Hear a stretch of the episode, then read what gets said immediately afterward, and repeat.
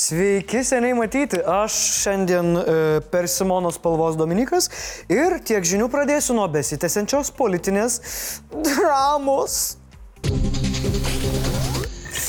Na va, ir sulaukė. Premjerė Ingrida Šimonytė patenkino švietimo, mokslo ir sporto ministrės Jurgito Šiukždinienės atsistatydinimo prašymą ir perdavė jį prezidentui Gitanui Nausėdai. Naujo pareigūno į ministrės postą Šimonytė nesiūlys, o laikinai ją pavaduotų teisingumo ministrė Evelina Dobrovolska. Bet Ingrida nepraleido progos pakartoti, kad neturėjo nemenkiausios progos suabejoti šiukždinienės padorumu. O pasikalbėti apie politinę krizę, kurią sukėlė konservatorių prezidiumas, pasiūlęs inicijuoti pirmalaikius Seimo rinkimus, valdančiosios koalicijos partneriai susitiko pasišnekėti jau savaitgalį. Partijų lyderiai nutarė paspartinti įstatymų skirtų savivaldybių tarybų veiklų išlaidų skaidrinimui padidinti rengimą. Jie turėtų pateikti projektą Seimui ir planuojama jį priimti ne vėliau kaip iki šios sesijos pabaigos. Aptarti ir pirmalaikiai Seimo rinkimai. Nes, kaip Gabrielius Landsbergis sako, čia nėra vyriausybės problema. Juk buvusių tarybos narių yra Seime. Ne tik tarp valdančiųjų, bet ir tarp opozicijos. Tik gali būti sunku Seime tokiam sprendimui gauti didelį pritarimą. Reikia 85 balsų. Taigi jau kitą savaitę kviesis opozicinės partijas ir bandys įtikinti išeiti kartu. Patys konservatoriai tikrai balsuos. Na, bus priversti. Sotsdemai ir valstiečiai jau irgi išsakė pritarimą. Jei Seimas nepalaikytų pirmalaikių rinkimų, premjerė teigia, kad po NATO samito teiktų atsistatydinimą. Landsbergis taip pat pabrėžė, kad samitas yra atskaitos taškas. Jis nuramino, kad bent jau jo metu Lietuva turės funkcionuojančią vyriausybę ir parlamentą. Kitaip tariant, palauksim, kol svečiai išvažiuos ir nerodysim tos šeimos vidaus dramų. Žodžiu, mums dar kelios savaitės ir sužinosime, kaip stipriai Seimo nariai nori pasitikrinti tautos pasitikėjimą. Tikėtina, kad, nu, nelabai. Bet jei visgi bus, nauji Seimo rinkimai nuo Landsbergo galėtų būti surinkti rugsėjai. Vytautas Mitalas konservatorių vietoje nebūtų taip daręs. Man atrodo, kad tai yra pakankamai drastiškas sprendimas. Skeptiškas ir liberalų frakcijos seniūnas Eugenijus Gentvilas, pasak kurio konservatorių argumentai dėl pirmalaikių rinkimų jo neįtikina. Mes turbūt nepalaikysim ir tą labai aiškiai kol kas pasakėm. Partneriams atrodo, kad logiškiau būtų pasitikrinti pasitikėjimą vyriausybę Seime. Konservatoriai eilinį kartą nu, susimovė su komunikacija. Dabar jie atrodo kaip dramos karalienės ir baisiai įsižeidė dėl kritikos. Teisininkai irgi kritikuoja jų sprendimus. Kitaip tariant, po NATO samito. Vaikas kris parduotuvėje ant grindų, spardysis kojomis ir rieks. Klausimas tik, ką darys mamukas, neš saldainį ar išeis iš parduotuvės. Per savaitgalį kare įvyko šiek tiek naujovių. Wagner savininkas Evgenijus Prigožinas paskelbė, kad užėmė visą Bahmutą. Net gavo sveikinimą iš Putino. Net jei tai tiesa, tai tokios trukmės ir tūkstančio karių pareikalavę mūšiai dėl 40 kvadratinių kilometrų miestelio netrodo kaip labai labai didelė pergalė. Prigožinas paskelbė, kad jo kompanija paliks miestą rusų kariams ir išsikels iki birželio pirmosios. Vasaros atostogos prasideda. Bet tai gali būti ir ne visai tiesa. Ukrainos prezidentas Volodymyras Zelenskis pareiškė, kad Bakhmutas nėra okupuotas. Ukrainiečių pajėgos dar laikosi. Tuo tarpu rusų Ukrainoje įvykdytų karo nusikaltimų tik daugėja. Teroristai apšaudė Dnipros rytį, atakai buvo panaudota 16 įvairaus tipo raketų ir dar 20 iranietiškų mopedų. Nutiko ir gerų dalykų. Ukraina pranešė, kad Hersono srityje numušė naujausią rusų naikintuvą Su-35. Ir ateityje tokių numušimų gali padaugėti, nes Ukrainai pagaliau bus suteikti F-16. ES diplomatijos vadovas Jozepas Borelis pranešė, kad ukrainiečių pilotų mokymai jau prasidėjo. Jis tikisi, kad netrukus naikintuvai jau skros dangų virš Ukrainos. Maskvoje tuo tarpu užsiliepsnojo karinis komisariatas. Džiugu. Ne kitaip. Dega ir sproginėja dalykai ir kitur.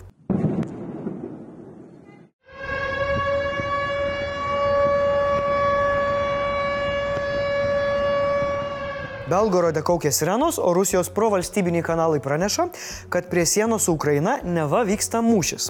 Atsakomybę už rytinius neramumus mieste prisėmė Rusijos partizanai. Rusijos laisvė praneša, kad jos nariai kartu su Rusijos savanorių korpusu visiškai išlaisvino Kozinkos gyvenvietę, o priešakiniai būriai pateko į Graivoroną. Taip pat platinami įrašai, kuriuose matyti kelių važiuojantis tankai su Ukrainos vėliava. Tvirtinama, kad tankai neva juda Rusijos regiono teritorijos link. Tai ką, atrodo, kad karas persikėlė ir pas teroristus? Gali lietuviai mokėti minimalų atlyginimą. Gali turėti krabų lasdelių verslą Rusijoje. Gali net pripilt mėšlo į kuršių mares. Ir lietuviai bus daugiau mažiau, mm, pofik. Bet negali paliesti ažuolo. Čia yra riba. Ir ji buvo pasiekta savaitgalį Vilniuje, kai prie Maskvos namų nekilnojamo turto vystytojo darbuotojai savavališkai nupjovė šimtametį ažuolą. Į vietą atvykęs meras Benkunskas iškart paskambino rangovams. Jums buvo labai aiškiai pasakyta, ne vieną kartą iš savivaldybės, kad šitie, šitas medis ant apsaugos juostos neina. Ir jums leidimas nėra suteikiamas pjautą medį. O tada griežtų tonu patikino, kas jų laukia. Jūs su prokuratūra šnekėsit dabar. Ir jeigu galvojat, kad čia nupjovėt medį ir 2000 eurų susimokėsit, tuom istoriją baigsit, labai klystat. Va dabar pamatysit, kas jūsų laukia. Aš negrasinu, aš jums sakau, kas už jūsų veiksmus jūsų laukia. Geros dienos. Auč. Nenorėčiau, kad meras man taip sakytų. Tai tyčinis nusikaltimas vertas baudžiamojo kodekso. Todėl Mes skaičiuojam, kad šita gamtai padaryta žala gali siekti daugiau negu 100 tūkstančių. Savivaldybės teisininkai jau baigė parengti prašymą generaliniai prokuratūrai pradėti iki teisminį tyrimą bent dėl trijų baudžiamojo kodekso straipsnių pažeidimo. Jis sakė, kad vystytojai UAB rinktinės NT buvo aiškiai pasakyta ir išsiųstas raštas, kad ažuolas vystant šią teritoriją bei statant daugiabučius turi būti išsaugotas. Pasak bendrovės, ažuolą nuspręsta nupjauti, nes jis trukdė lietaus nuotekų tinklo remontui. Tačiau Vilniaus miesto savivaldybės vyriausiasis architektas Mindaugas Pakalnis pakartojo, tam vystytojas neturėjo teisės. Ažuolo išsaugojimas buvo įrašytas projektavimo užduotyje. Tas pakartota per susitikimą su vystytoju prieš savaitę. Tas pats išdėstyta raštu penktadienį. Aplinkos ministro irgi neįtikina įmonės argumentai. Jie yra žemiau plintuso. Gentvilo nuomonė baudos situacijos neišspręs. Reikia gėdinti tokius vystytojus.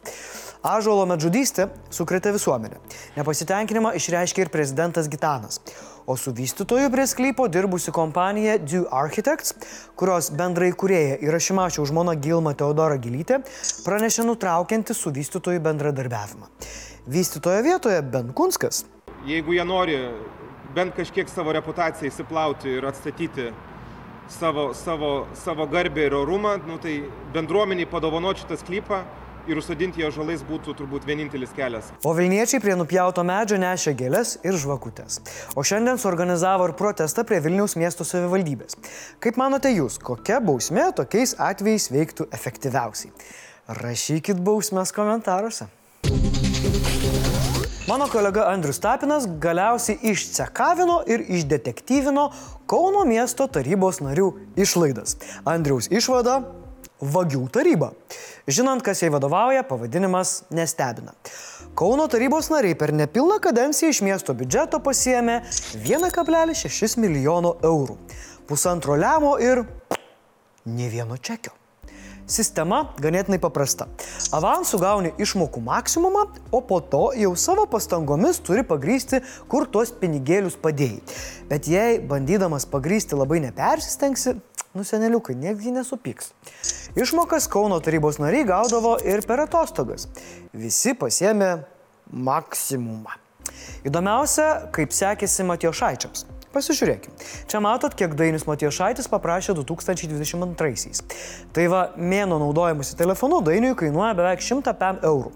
Aš žinau tik vieną tokią liniją, į kurią skambinti yra labai brangu. Bet gal ir kitur kažkur skambinu. Tuo tarpu čia, kiek Šarūnas Matijošaitis pernai iš kauniečių paprašė, na gal ne paprašė, o labiau pasiemė.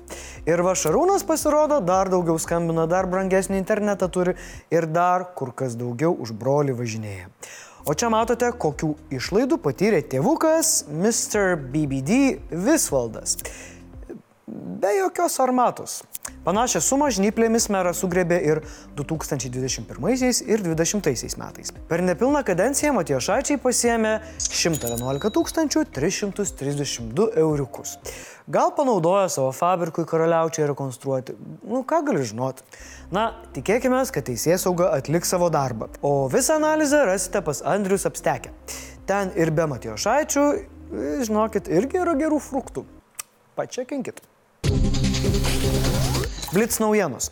Sekmadienį mirusi buvusi pirmoji Lietuvos ponia Alma Damkienė bus palaidota antradienį Kaune Petrašiūnų kapinėse. Atsisveikinimas vyks prezidento rūmų kolonų salėje pirmadienį nuo 18 iki 21 val. ir antradienį nuo 9 iki 11.30. Vilniaus arkikatedroje bazilikoje antradienį 12.30 už Aldamkienę bus aukojamos šventos mišios. Laidotuvės Kaune vyks 16 val. Norinčių atsisveikinti prašoma nenešti gėlių, o joms skirtus pinigus, tęsiant Adamkienės gyvenimo ir darbų dvasę, paukoti filantropiniams tikslams. Vienas Next kanalo įkūrėjų Romanas Protasevičius buvo atleistas nuo 8 metų laisvės atėmimo bausmės, kurią jam neseniai skyrė Baltarusijos teismas. Tai paskelbė Belta. Vaizdo įraše Protasevičius sako, kad yra labai dėkinga šaliai ir asmeniškai prezidentui už tokį sprendimą. Šios žinios Baltarusijos opozicijos atstovai nepatvirtino. Seimo nacionalinio saugumo ir gynybos komitetas nepritarė Lino Pernavo skirimui STT vadovu. Užbalsavo du nariai, tarp jų ir pirmininkas Laurinas Kaščiūnas prieš vienas. Penki susilaikė. Pernavo kandidatūrą pateikė prezidentas Gitanas Nausėda. Kandidatūra svarstoma komitetuose, toliau dėl jos bus balsuojama Seime. Norėčiau tik tai priminti, kad komentaruose laukiame jūsų pasiūlymų, kokias bausmes galima sugalvoti būtų ažuolų kirtėjams. Taip pat galit parašyti, kaip manot, kokios spalvos čia marškinėliai.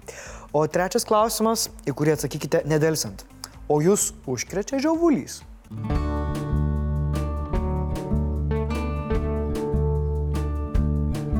Komentarų metas.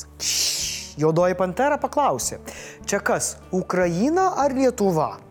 Na, priklauso nuo to, kur jūs esate. Jei kasdien pabundate nuo oro pavojaus sirenų, aplinkui sproginėja raketos, o miestų kapinės nuklotos žuvusių karių kapais, jūs Ukrainoje. Jei miegate ramiai ir laisvalaikiu sauliaidžiate tokius šūdus rašinėt, jūs esate greičiausiai Lietuvoje arba kaimininėse nedraugiškose valstybėse. O Mindaugas sako, jog apie Kauną reikia kalbėti gerai arba nieko. Tai čia nes Kaunas miręs yra, ar kaip čia yra? Na, nelabai šitą supratau, Mindė. Paaiškink savo bazarą. O aš su visais atsisveikinu iki rytojaus, šiandien tiek žinių.